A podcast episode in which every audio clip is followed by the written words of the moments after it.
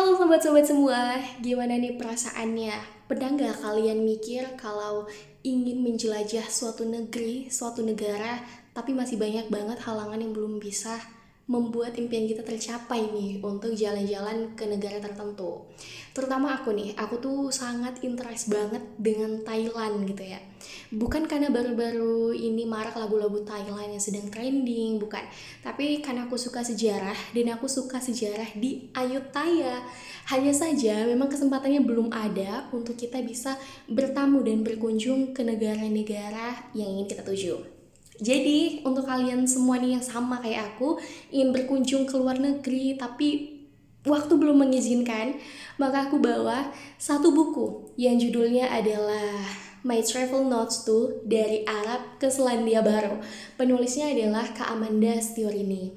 Jadi buku ini adalah buku traveling yang menurut aku sangat-sangat worth it untuk dibaca. Nah tunggu dulu, sebelum kita bahas worth it-nya adalah buku ini adalah buku traveling 5 negara yang sudah dijalani oleh Kak Amanda Setiarini dari Arab sampai Selandia Baru. Ada Arab, Turki, Thailand, Jepang, dan kemudian ada Selandia Baru. Setelah aku baca nih, aku bener-bener merasa hiruk pikuk kotanya seperti apa, panas dingin cuacanya seperti apa. Jadi memang benar-benar digambarkan sedetail itu. Dan kita dibawa berselancar seperti sedang duduk berdampingan nih dengan Kak Amanda. Uh, untuk info juga nih kalian aku baca buku ini dari aplikasi Ipusnas. Gampang banget bisa di-download aplikasinya melalui Play Store. Kemudian kita download buku yang ingin kita baca. Dan ya get tinggal dibaca aja Oke, okay, pengenalan awal di buku ini adalah buku lanjutan dari My Notes yang pertama ya. Yang pertama itu ada kartu pos dari 11 negara.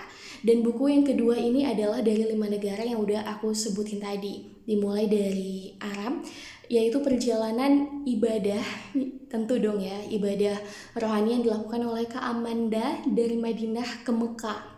Jadi memang benar-benar digambarkan sedetail itu insightful yang aku dapat setelah aku baca buku ini bener-bener gak kerasa rasanya rindu untuk sekedar menyapa negara itu bisa sedikit banyaknya terobati. Nah setelah terobati ternyata ada rasa yang muncul setelah itu yaitu rasa apa?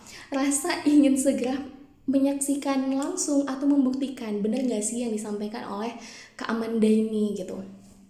Nah, kita juga akan disajikan dengan rangkaian adat istiadat adat istiadat yang berbeda, kemudian tata cara tutur sapa yang sangat berbeda dengan Indonesia. Bahkan sampai ada di satu negara di New Zealand ya, di New Zealand di Selandia Baru itu bahwa mereka di sana itu misalnya kita kehilangan kartu yang untuk kita naik bis gitu kan kan ada kartu sebagai penumpang yang itu sebagai ketiket.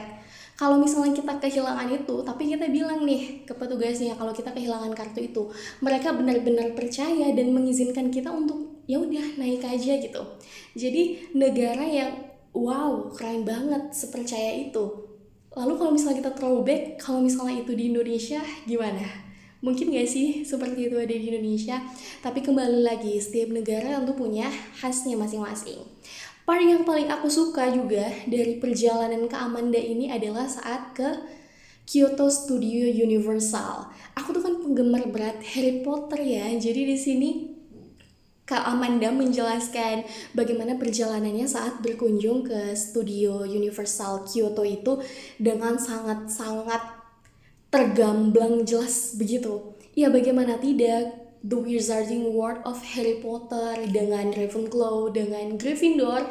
Kemudian dijelaskan juga bagaimana Hogsmeade yang memang benar-benar mirip seperti aslinya.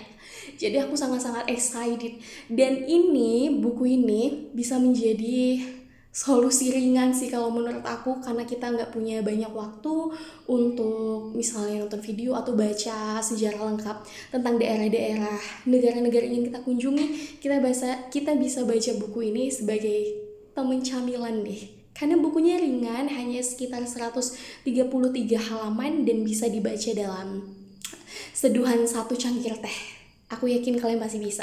Jadi terima kasih untuk kalian yang tertarik juga dengan buku ini. Kalian bisa baca gratis di Epusnas.